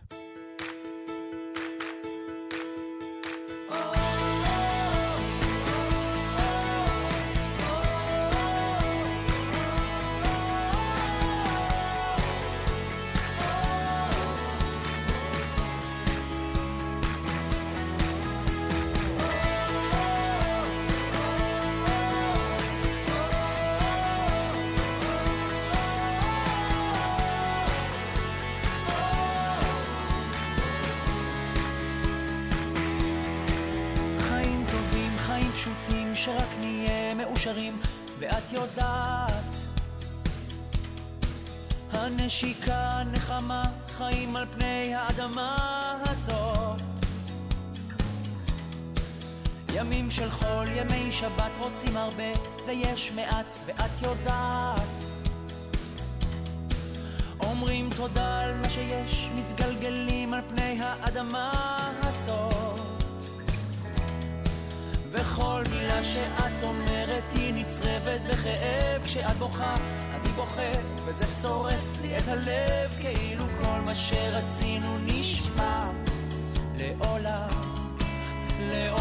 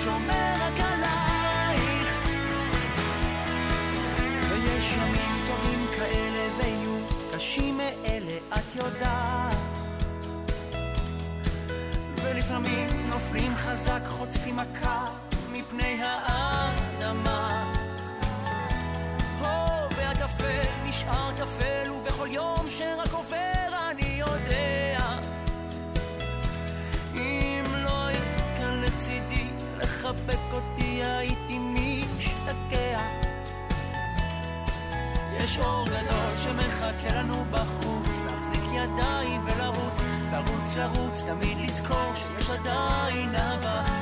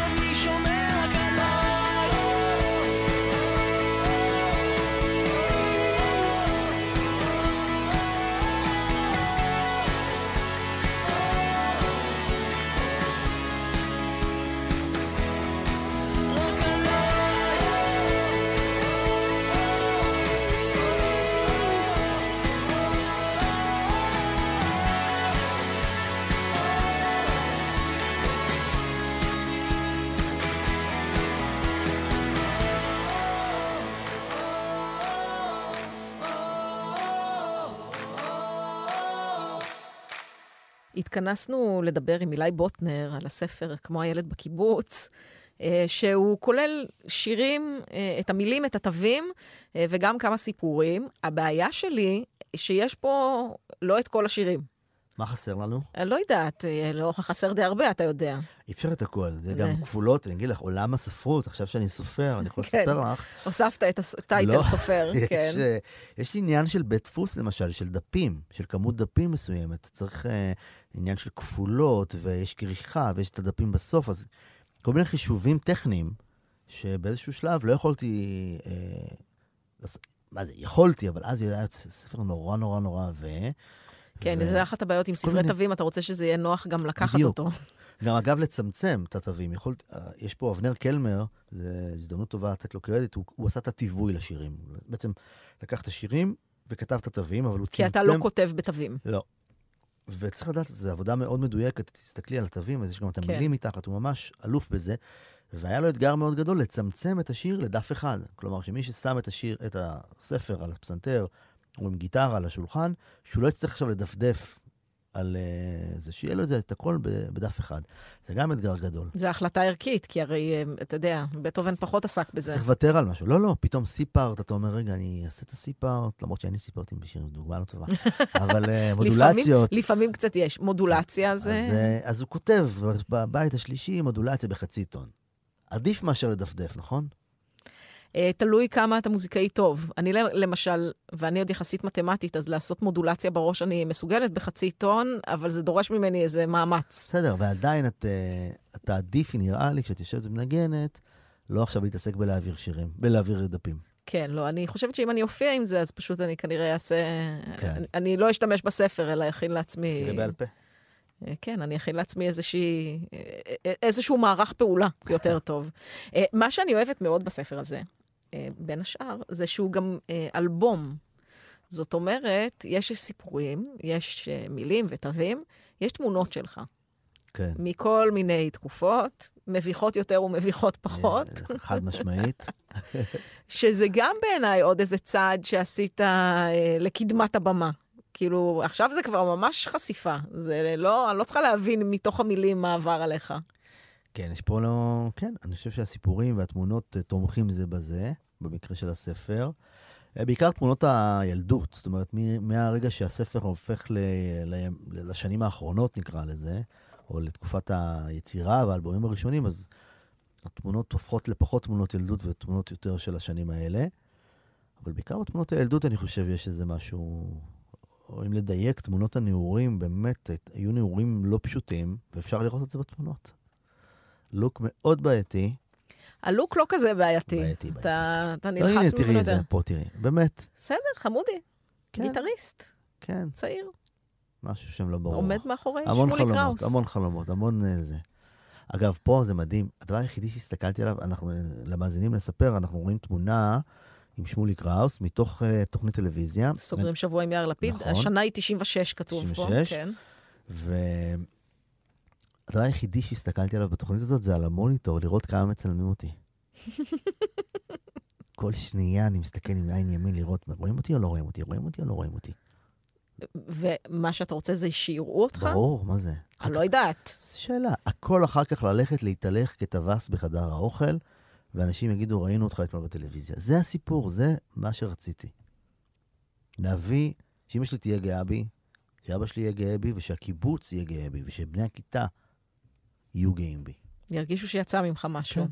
טוב, האמת, אה, בפריים טיים של אה, ערוץ 2 זה לא מופרך לרצות כזה דבר. לגמרי. אה, ש- שישימו לב שאתה שם. אז רגע, והתמונות ילדות, שאתה אומר, או הנעורים, שהן בעיניך מביכות, בסוף אתה צריך אה, לשבת ולבחור אותן ולהגיד שזה בסדר שנראה אותן. כן. זו תמונה איומה, מה שנעצרת עליה עכשיו. למה אתה אומר כזה דבר? תמונה, כי, כי, כי אין מה. אני מסתכלת על תמונה בסלון, אני כן. מניחה סלון ביתכם. תתארי, תתארי את כן, הספה, כן. תתארי מאיזה ברד עשויה עשויה הספה. ספה, אה, עפרפרה עם אה, אה, הדפס פרחוני, אה, שטיח, כמו שהיה לכולם בבית, פחות או יותר, אני חושבת, אה, דגם אה, כזה, זה, זה פרסי שאיננו פרסי פרסי, לא. מה שנקרא, בדיוק. אה, כמה תמונות אה, שמזכירות אה, אומנות אירופאית, אבל כמובן אה, זה... אה, אמנות גלותית. כן. אה, ואתה יושב ומנגן לאימא שלך, נו, מה, מה כן. רע? לא, בסדר, אני סתם, מה אני לא בסדר ביקורתי. בתמונה? לא, לא, אני ביקורתי יתר על המידה בדברים האלה. כן. אגב, חלק... אגב, תסתכלי איזה כן. חוברת אני מנגן, את מצליחה לראות? זה אבי ברק, כמובן. ברור, ארי ברק פתוח שם. כן, כן. אה, במופע שבו השקת את הספר הזה, אה, אגב, יש עוד אחד, מופע, על זה. בטח, לא, בפסנתר. בפסטיבל 25 הפסנתר, זה. השקה אמיתית. זה כן. באים לא רק חברים. זה, לא, סליחה, בוא נעמיד את הדברים על דיוקם. בצוותא ממש היו... אה, סתם, אני צוחקת. לא היו הרבה חברים, כאילו, היו חלק, בכל זאת, באו, אבל... אה, לא, אל תדאג, אנחנו נבוא גם לפסנתר. מה שצריך. לא לשכוח, 25 לאוקטובר. כן. הכל, הכל בסדר. אבל אחד הרגעים המקסימים זה שהשמעת הקלטה של אימא שלך שרה. נכון, כן. כן, אני מספר שהזיכרון הראשון שלי, שאימא שלי לקחה אותי ל... בלילה, הוציאה אותי מבית הילדים ולקחה אותי לשמוע את החזרה של המקהלה של הקיבוץ, הקולית. שתדע לך שכשסיפרת את זה, לא זאת בלבד שזה מרגש כי זה אתה. אני חושבת שכל אדם שיש לו הורים במקהלה, מתרגש. אני... זה נוגע בו? ההורים שלי היו בחברת הזמר של תמרת. הנה. אני ידעתי את כל המילים לכל השירים, הייתי בת עשר. אז אותו דבר, זה לא משנה אם זה בעין כרמל או בתמרת. זה אותו דבר, זה ב, ב, ב, בחוויות האלה ש, ש, שאני מדבר עליהן גם בספר וגם בהופעה, זה... אתה יכול לגדול במקומות אחרים, ואתה יכול גם לגדול בתל אביב. הגרעין של הדבר הזה, בעיניי הוא אותו דבר. וזה... כן, ו- אבל נכון כנראה לאופי שלך ושלי אולי, יש כאלה שבועטים בדבר הזה שההורים אהבו. בסדר, זה גם, זה בסדר. זה, זה מעצב אותם ואחרת. לגמרי, כמו, כמו אנשים למשל בקיבוץ, ש, שבית הילדים צילק אותם לחלוטין, והם לא יכולים לשמוע את הדבר הזה שנקרא בית הילדים. למשל, אימא שלי, שהיו לה, יש לה טראומות איומות מבית הילדים. אני לא ילד שיש לו טראומות מבית הילדים. זוכר את זה. די בבירור הבנתי מה הקונספט, הבנתי שזה מה שצריך לעשות, לא מרדתי, לא יצאתי מהחלון באמצע הלילה, למרות שמיטה לידי עשו את זה. אין לי זיכרונות רעים. Mm, כן. אותו דבר פה, יש אנשים שבועטים, יש אנשים שמחבקים את זה. לי זה קשר ישיר לאימא שלי. כן, זה גם נשמע, זאת אומרת שבהקשר הזה, היא את הסבל שלה מבית הילדים, היא תרגמה ללקחת אותך ולהכיר לך את המוזיקה. בקולית. כן, הקולית, וזה הזיכרון הראשון שלי, אני זוכר אותה. מה הם. שרו? את... אה, הם שרו הרבה שירים, מי שעבד איתם, אגב, היה מוניה מריליו. או-אה, מוזיקאי ענק, זה כן. לא- לא, זה לא סתם שם. השקיע, הסיבה של זה, זה שהגבעטרון, אפרופו, היו כבר אז כוכבים מאוד גדולים, וכל קיבוץ החליט שהוא uh, עכשיו מציב אלטרנטיבה לגבעטרון. כאילו, למה, למה הגבעטרון יכולים ואנחנו לא? וכל קיבוץ שכיבד את עצמו, הקים חבורת זמר. וגם עין כרמל הקולית, ואת מי לוקחים להיות. את מי לוקחים ראש בראש מול גדעון גוריון? את אימא. והיא הייתה הסולנית, והיא שרה, שרו הרבה שירים של מוניה מריליו, איך לא? אם הוא אם הוא כבר מנהל את העם. כן. אבל היא גם שרה, הסולו שאני הכי זוכר, וזה הרגע שאני זוכר, ואני אספר את זה גם בהופעה, זה את שיר, שיר ארס של אה, אלתרמן וסשה ארגוב, חייל ועיר. וכן, בהופעה אני משמיע את זה, אבל אל תגלי, מה, ספ- ספוילרים, מה זה? רגע, זה רמז, לא... אנשים יגידו, אין לנו... אין סיבה אין לבוא. צורך לבוא. לא, אבל זה? לשמוע אותך שר, אה, זה כן, זה... זה לא ניתן להם פה. אנחנו לא, זאת אומרת, אני לא, כן אפשר, אם אנצל, תרצי. אנצל את העובדה שאתה אה, הוצאת, הוצאת ספר תווים, ובהמשך אתה תלמד אותי לנגן איזה שיר, אבל אני מזהירה מראש שאני לא יודעת לנגן מספיק טוב. הכל בסדר, יש זאת אומרת- לנו... אני אבחר לך שיר שהוא יחסית פשוט, וזה זאת אומרת. קח את זה בחשבון. שום בעיה.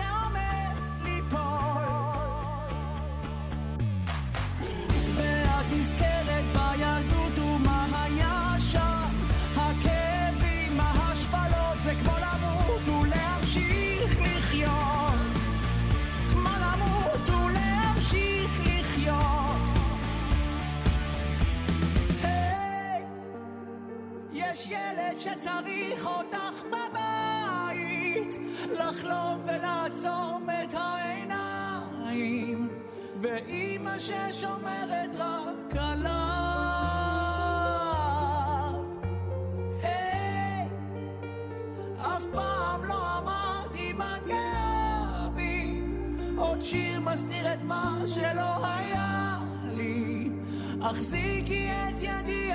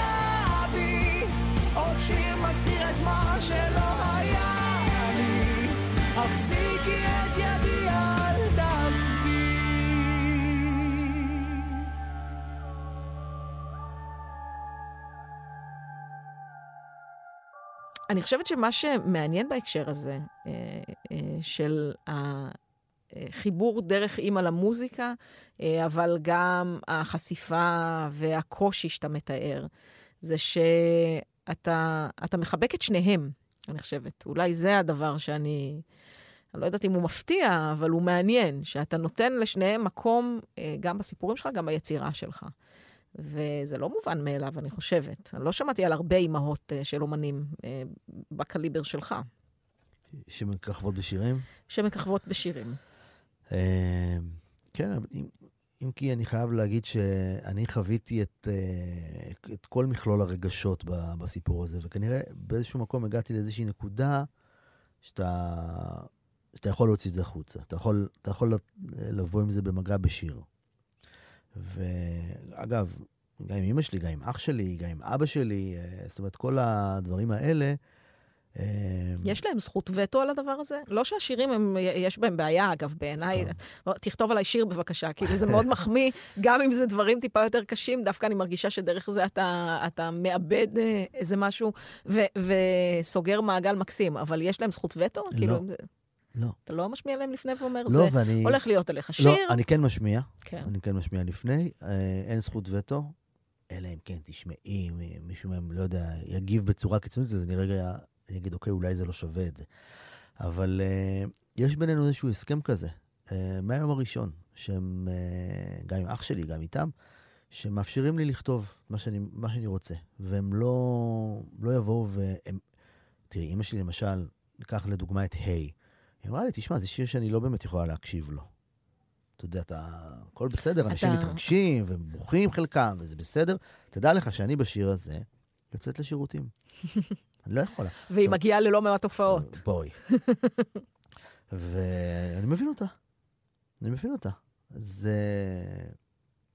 והם מתנהלים באמת באיזושהי אה, אצילות, הייתי אומר. כי, כמו שאמרתי מקודם, אני חושף את עצמי, ואני במרכז, אבל אני גם חושף אותם. הם לא בחרו להיות בזה. לא, גם יש, ספציפית בהיי, זה כמעט נשמע כמו האשמה. כן. יש ילד שצריך אותך בבית, נכון. הלו, איפה את? נכון, אה, זה, זה קשה להתמודד עם הדבר הזה. לגמרי, למרות מבין, שאתה כנראה צודק. אני מבין אותה. אני, את יודעת, אין לי מה להגיד על זה. אני מבין אותה, אבל אני גם באותה נשימה אומר שאני מודה על החופש הזה שהם מאפשרים לי. יש משהו בתא משפחתי מפורק, שיש בו גם פלוסים. כאילו, זה כמו ששאלת אותי, רגע, לא אמרו לך אולי אל תלך ללמוד, אמנות?" זה מאותו מקום. Hmm, כאילו, הם מאפשרים בשתיקתם כן. לתת לי לעשות את זה. לא, בסדר, גם אה, זו הופעה יחסית ארוכה. טוב שיש לה ברייק לשירותים. בדיוק. זה חשוב. בואו נתקדם אה, לחבריך הנוכחיים, מה שנקרא, אה, ילדי החוץ. אה, אנחנו מתוקים. אנחנו 12 שנים יחד, זה ה... אתה יודע שאחת ההופעות הראשונות שלכם הייתה פה בגלי צה"ל, ב- הגזמת במוזיאון, בתוכנית שאת הפקת. אה, בקאמרי, כן? בקאמרי. עם אודיה ונתן. בטח, עם שירי 50's. נכון, יש כי לך עוד לא... הקלטה יודעת- של זה? בטח, לא אני מאמין. אתן לך, זה- זה הכל בספוטיפיי. ספר למאזינים, אנחנו עשינו קאברים לשירים של פול אנקה. אה, או, נכון, והביטלס קצת, כן. ודין מרטין. דין מרטין. תראה, עוד לא היו שירים. עשיתם שני שירים שלך מתוך שווים עם אה, דנקר, ועשיתם את מכתב לאחי, אבל היה צריך משהו... לעבות, צריך כאילו- תוכן, בכל זאת. ודטנר ואודיה באותה, באותה תקופה עוד השמיעו אולדיז בלילה. וזה מה שעשיתם. אז את מי מביאים? אותנו, לשיר אולדיז. When marimba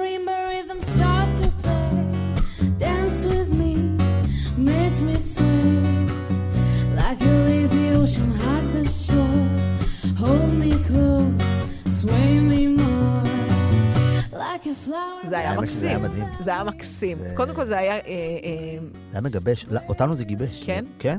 כי התחושה הייתה, אתם בדיוק התחלתם אה, לעבוד, מה שנקרא. הרמוניות מופלאות, זה עד היום יש לכם, אמרתי, זה חלק ממה שאני אוהבת במה שאתה עושה. אה, אבל בגלל שזו הייתה הופעה, כאילו, ל- אתה יודע, גלי צה"ל פה, ובלי כסף ועניינים, אז מה שנקרא קאמרי, כן. אקוסטי, נכון. בלי, בלי נכון. כל הרעש היה והצלצולים. הכלי הקשה לדעתי, גיטרה. היה נכון? כחון, כחון. אפילו, כן, הוא ישב על וואו. כחון, גיטרה, בס, ואתם כן, שרים. נכון, נכון, נכון, נכון. זה היה וואו. זה היה וואו, זה היה... כן, לעשות קאברים, שירים של ה-50's, 50's? אה, 50, 60, כן, כן, היה שם. ובאמת במסגרת תוכנית רדיו, וזה היה מדהים, זה היה באמת ההתחלה. בכלל, באולפן הזה, שאגב, אני אגיד למאזינים, הוא משופץ. כן, אבל אנחנו נמצאים באולפן פה- ב' של גלי צה"ל, והוא נראה כאילו וואו, חללית. ממש. מה- מתחנות הרדיו הפרטיות, למי שמכיר. אגב, חפשו, מזכיר. ברשתות החברתיות אנחנו נצלם איך אתה מלמד אותי לנגן, ואני אה? גרועה בזה, יואו, ואז גדול. אפשר יהיה לראות כמה יפה פה. אגב, באולפן הזה היינו מלא, אני חושב שבני בשן שידר כאן, באולפן הזה. לפעמים, לפעמים, כן. אז גם היינו באים לכאן הרבה. בכלל, אה, כן, תחילת- הקלטות של ספיישלים שעשית עם אה, רועי. בר נתן, זה אה, היה ברור, כאן. ברור. זה בטח, זה פשוט לא נראה ככה אז. ברור, ברור. אבל כן. כן, בתחילת הדרך, ממש. אז כן, אנחנו 12 שנים יחד. איזה חבר'ה מוכשרים בצורה מדהימה, ו... ו, ו... מה אתה מחפש? נגיד, רן דנקר היה איזשהו, נגיד, סוג של שידוך אה, שהגיע מבחוץ, אבל כשהקמת את ילדי החוץ, כבר היית אתה, וכבר אתה שלטת ב- באת מי אתה רוצה ומה אתה רוצה. מה חיפשת? מה קיבלנו אני יודעת, אבל מה מה חיפשת? חיפשתי? אה, סתם, בלי לחשוב, אני אומר, אתה מחפש בדרך כלל משהו שהוא, שונה, שהוא לא אתה, שהוא שונה ממך, בכל היבט. בפנימיות, בחיצוניות, באיך שאנשים זזים על הבמה, באיך שאנשים שרים. מחפש משהו שהוא אחר ממך. אני חושב שחלק מה, מהיופי, מהקסם, אם אפשר להגיד, של ההרכב, וזה שהוא מחזיק כל כך הרבה זמן, וסליחה על הזה, ובאמת, אני מרגיש הרכב אהוב, זה השוני, זה השוני שיש בו. אנחנו נורא נורא שונים. אני זוכר את המפגש הראשון שלי, למשל, עם אוהד שרגאי. הזמנתי אותו, אה, לא, אודי- לא, אודישן זה מילה, זה סתם מפגש, כן, לראות בוא- אם יש בוא חיבור. ננגן ונראה, כן, בוא כן. נראה אם זה. הוא הגיע אליי, זה היה אוגוסט כזה. הוא כזה. בשל... ב... ב... על... אה, סיים את כוכב סוף נולד. כוכב נולד, נחשב אז באמת הדבר הכי אקסטרווגנטי כן. ששזפה עיני הטלוויזיה.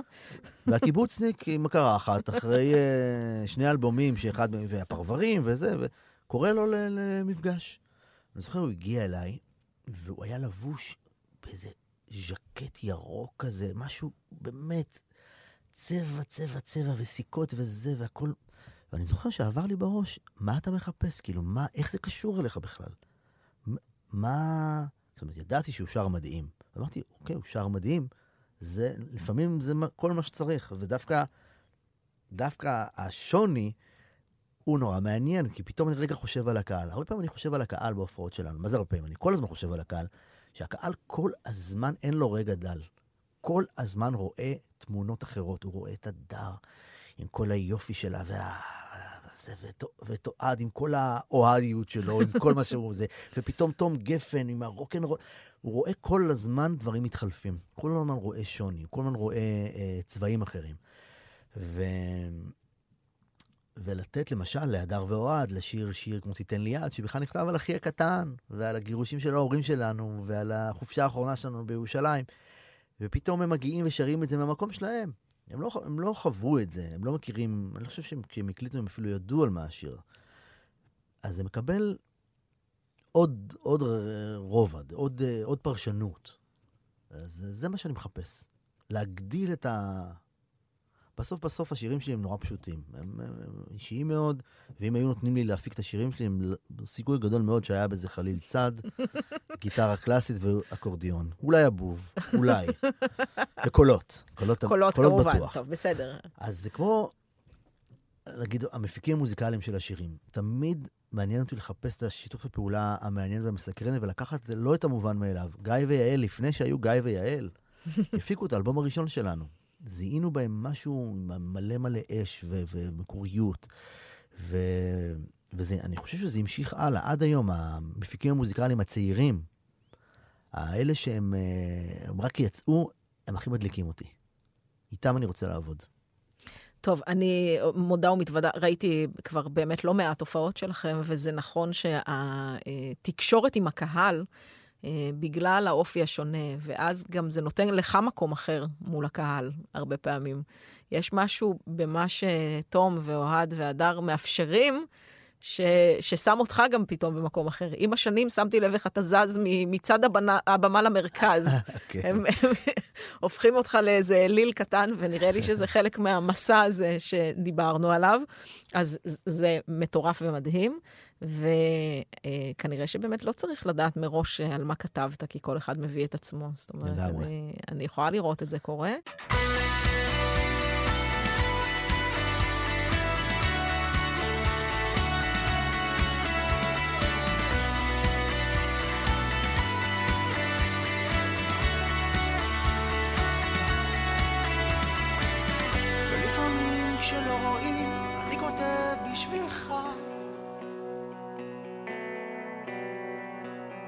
כל אותם המכתבים שלא שלחתי לך. אני זוכר לילות קרים כשהיינו ילדים. אני זוכר מכה אחר מכה. בעולם הזה נשארנו רק אני ואתה המשפחה שהתפרקה, מחלה שגדעה הכל. אני זוכר לילות קרים כשהיינו ילדים. אני סופר דקה אחר דקה. רק תיתן לי יד, אבוא, רק תיתן אל תפחד,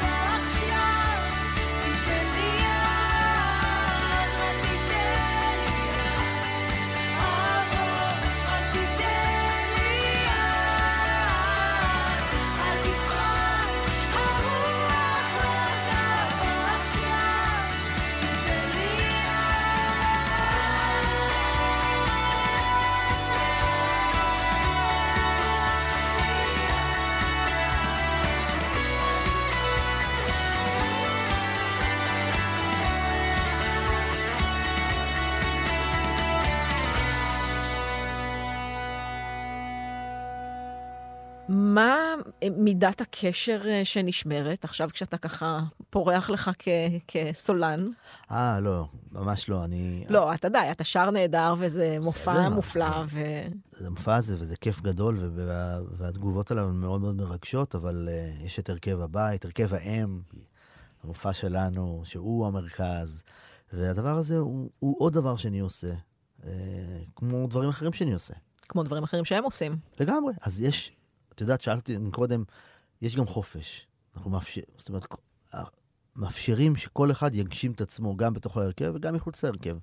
אה, משהו שאני מאמין בו, ובאמת כל אחד, אה, כל אחד עושה דברים אחרים שהם לא בהרכב, וגם חוזר הביתה, ו, ו, ופורח מתוך הקן הזה וחוזר אליו. וזה אושר גדול, זה, זה מקום מאוד מאוד מאפשר, אני חושב, ההרכב הזה. מה שיתוף הפעולה שאתה חולם עליו? השיתוף הפעולה הבא, וואו.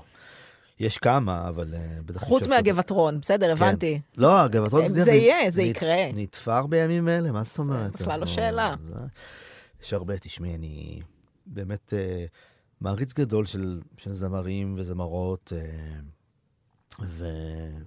וקשה לי להגיד, אני אוהב המון. בלי שמות, היה מישהו ש...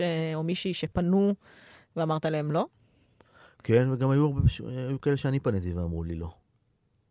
בטח. הכל בנחמדות לרוב, ובסדר, ו...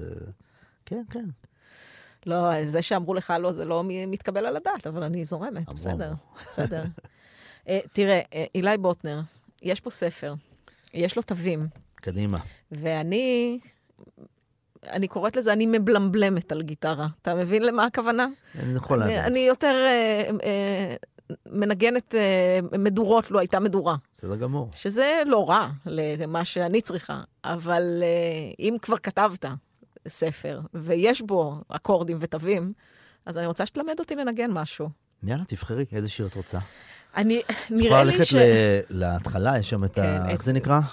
זה. את, אה, אה, תוכן- תוכן? תוכן העניינים. כן, אני חושבת, נראה לי, נדמה לי, אולי, שנעים עכשיו זה משהו שאני אצליח לנגן, אם כי מי יודע לגבי הפריטה, כן? אה, אני לא מבטיחה נעים עכשיו דבר. יש בו מודולציה, אבל בסדר, מה אפשר אכפת לדלג לי עליה. מודולציה? אפשר לדלג- מודולציה זה לא דבר מורכב אה, אם זה כתוב באיזשהו אופן. לא, ואני אגלה לך סוד. לא, גם בוא, הדבר היפה כשמנגנים במדורות, זה כמו עינת שרוף. אתה עושה את הבית הראשון והפזמון, ואז ממשיך לשיר הבא. לא צריך את כל השיר. לא, אוקיי. מנגנים את- האקורדים שיודעים. מחרוזת, אוקיי, שום בעיה. רק אומרת. אהבתי את הקונספט הזה, אגב. אה, מיכל, תעשה לך שיהיה מיקרופון. הנה. שישמעו את הגיטרה שלך יותר, זה בהח- בהחלט יועיל. רגע, אז מה הפריטה? כי פריטות אני לא יודעת לעשות. אז תראי, זה- על הכל. זה מאוד חמור. תפקיד גיטרה בהקלטה הוא כזה, כאילו, לא, הצחקת אותי. אין צורך. זה אני אעשה. את עושה פשוט ככה. זה כמו... אה, אה, שתיעלם תרועת הפסטיבלים, ירדו שירי. הבנתי, אז אתה כאילו... מין אסתא כזאת. בכאב מצאתי אושר, באור גדול מצאתי חושך. אני צריכה גם לנגן וגם לעקוב. רגע, מההתחלה. אוקיי, היית לא, מעולה. זה, בוא, היית- הייתי מעולה. היית וואו. פספסתי את המעבר של ה-FD, אז עוד אני. שמתי לב. יש איזו מורכבות. מורכבות? תם ולא נשלם. תם שם דווקא מורכב. הוא מורכב, אה, הבית שלו פשוט. האקורדים של הבית מאוד פשוטים. מאוד פשוטים, אבל בפזמון יש קאץ'. בוא נעשה, תראי, נעשה את זה לאט. תם ולא נשלם, נחתם עוד פרק בעולם. שולם של האוצ'ר גיא. בסדר, אני סופרן. אני אמצא לי גלגלה באפלה שבחיי אז לא נשים את כל הכסים, את כל הפחד, השקרים שבחיי. עכשיו את רואה פזמון? כן, סי. אני בורח ונוסע אלייך. שימי לב, תכף מגיע, וכל חלום כמו ניצוץ בעינייך. אוקיי. עכשיו, אה. אני נוסע ו... אני נוסע... לא. אני נוסע ויודע, אין מקום אחר. זה... הנה, זה אקורד שהמצאת. המצאתי. עיגול קו 7, מה זה? זה אקורד שיש אותו בכל שיר, לפחות פעמיים, זה נקרא חצי מוקטן. באמת. כל שיר פעמיים. אז אני בוער, וכל חלום הוא כמו ניצוץ בעינייך.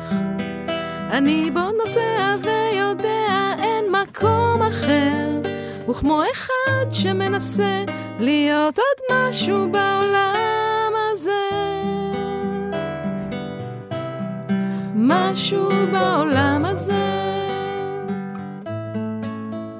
אני חושבת שאני צריכה לדבוק בלשיר, לנגן פחות, משהו. פחות עובד לי. לא, אל תהיי זה, אל תהיי מחמירה. זה... לא, סתם, אם אני עושה חזרות, אז אני מצליחה יותר לגמרי. טוב, אני חושבת, נראה לי. לגמרי. אבל זה בסך הכל עבד יפה. מדהים, מה זה? יש לנו פרומו גם. אנחנו נגזור מזה פרומו. ודאי, לא, אז אני אמרתי לך, הכל יהיה ברשתות החברתיות, בלי קשר לזה שהתוכנית כמובן תעלה לספוטיפיי ולאפל וכל הדברים האלה, תמיד כדאי לספר שמה שלא שמעתם מההתחלה, בפקק שאתם עומדים בו, אז uh, תדעו שאפשר להשלים. לגמרי. Uh, זה וואו.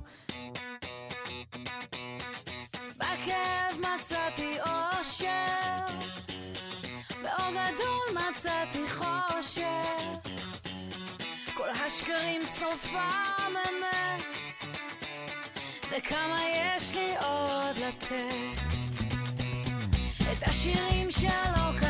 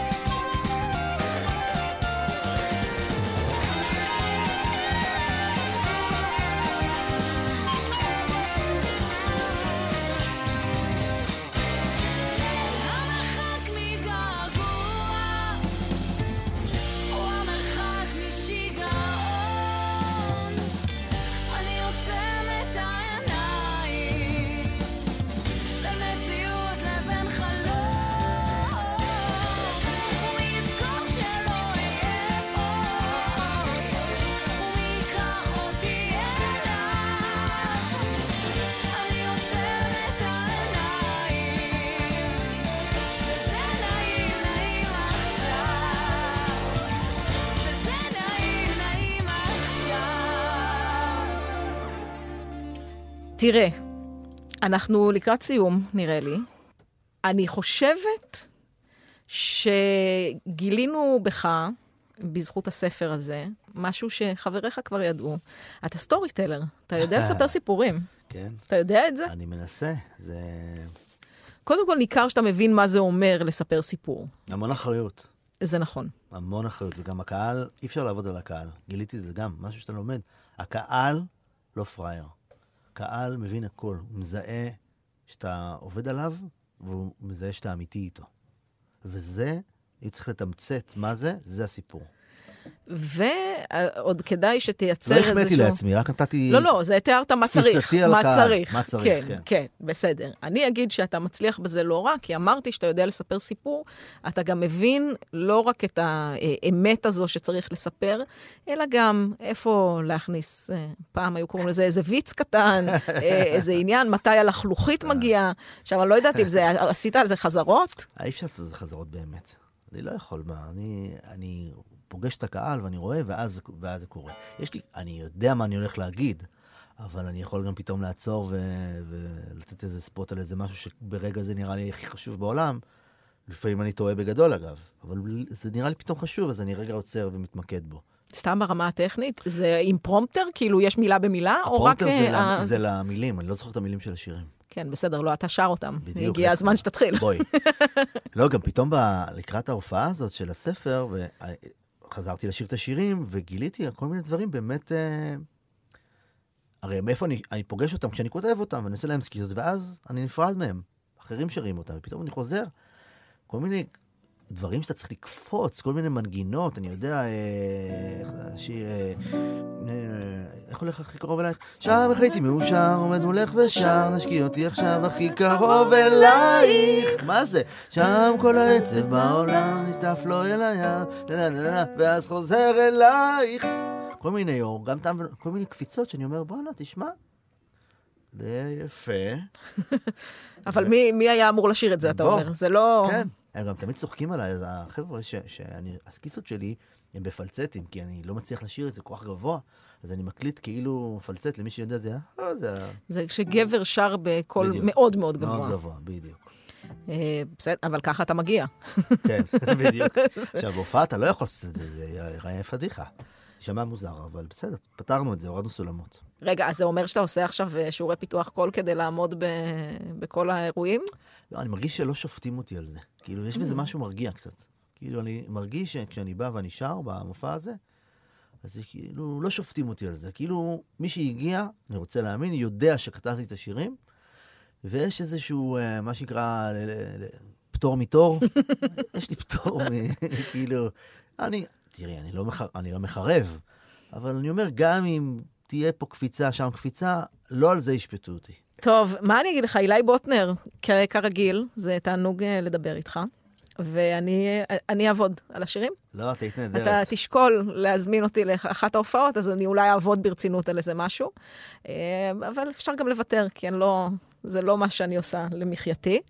אה, אני אגיד לך חג שמח, ואני שמח. אגיד שאני מחכה כבר אה, ל, ל, כמו הילד בקיבוץ 2, כי אני רואה שאתה לא מפסיק לכתוב. זה, אנחנו כבר בזה. אז יש אה, כמובן את המופע בפסטיבל הפסנתר, אמרנו 25 באוקטובר. כן, באולם רקנטי בשעה 8. כן. גם רוצו, רוצי. רוצו. אה, עוד רגע כבר יוצא המחזמר אה, בלוז החושפש. הגדול, שכתבת את כל השירים שלו, ואני מעריכה שאתה עובד עוד, אה, עוד ועוד. אמרנו, נחכה לגבעתרון, אבל יש עוד אה, דברים שבקנה. אה, יש דברים בדרך שלדעתי ממש בקרוב גם יצאו. אה, וכן, תקופה של הרבה עשייה, שזו תקופה נהדרת, אני נורא נהנה מזה. אה, חוץ מזה שאני לא בבית, אבל... אה, אבל שירי אמרנו שהיא כן, נהדרת, אז אה, נהדרת, היא תעמוד באמת בזה. מאפשרת, באמת, לא מובן מאליו. טוב, אנחנו מסיימים את השעתיים האלה. אילי בוטנר, אה, נגיד תודה לידידת המערכת. מתברר שלא רק אני חברה שלך פה. טכנאית הבית, מיכל כהן, שאלה, את יודעת שאני הייתי שדרן כאן בתח... בת... ודאי בתחנת שאני האם, יודעת. בתחנת הבת. בתחנת הבת, אבל אנחנו, אני לא אכעס על זה, זה בסדר. קשרים נוצרו. אה, זה נכון, אה, והיא היא באמת אה, עשתה פה מעל ומעבר כדי שאני אשמע רבע בסדר, כי אתה יודע מה אתה עושה. אז אנחנו נסיים ונאחל חג שמח לבית ישראל, חג שמח לכולם. ואתה בטח בסוכות, זאת אומרת, לא יראו אותך בבית, ניחוש לא, פרוע. דווקא, את לא מאמינה, אני בבית. מה? לקחתי חופש בסוכות. באמת? כן, כן, אני עם הילדים, עם המשפחה. אה, איזו לגמרי. בחירה אמיצה. נכון? כשכל החברים שלך יתזזו את הארץ בפסטיבלים, אתה... לבריאות, אני... תלך ותראה אותם. לא, אני עם המשפחה בסוכות. אז סחטיין. חג שמח. חג שמח. לך ולכל המאזינים, היה ממש כיף.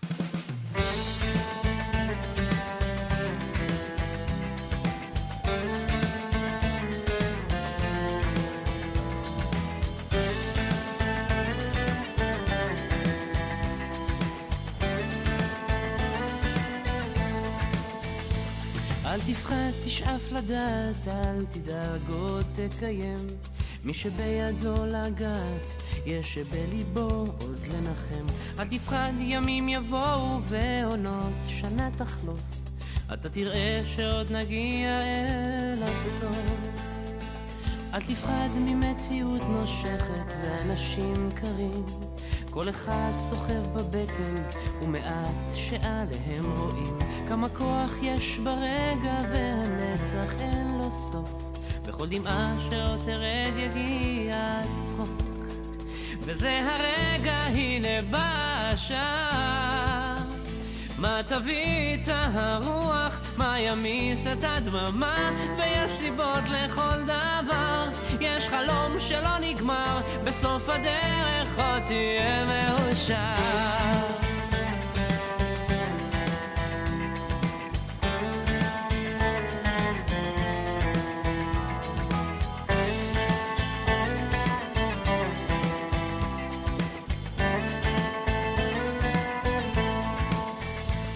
וקדימה אל האופק, אל השמש הטובה. זה רחוק, אבל תגיע, קצת עייף וקצת צמא לאהבה שמחכה לך, תקטוף אותה כפרי בשל, ואז תנוח, תרדם בצל. וזה הרגע, הנה בא השעה. מה תביא את הרוח, מה ימיס את הדממה, ויש סיבות לכל דבר. יש חלום שלא נגמר, בסוף הדרך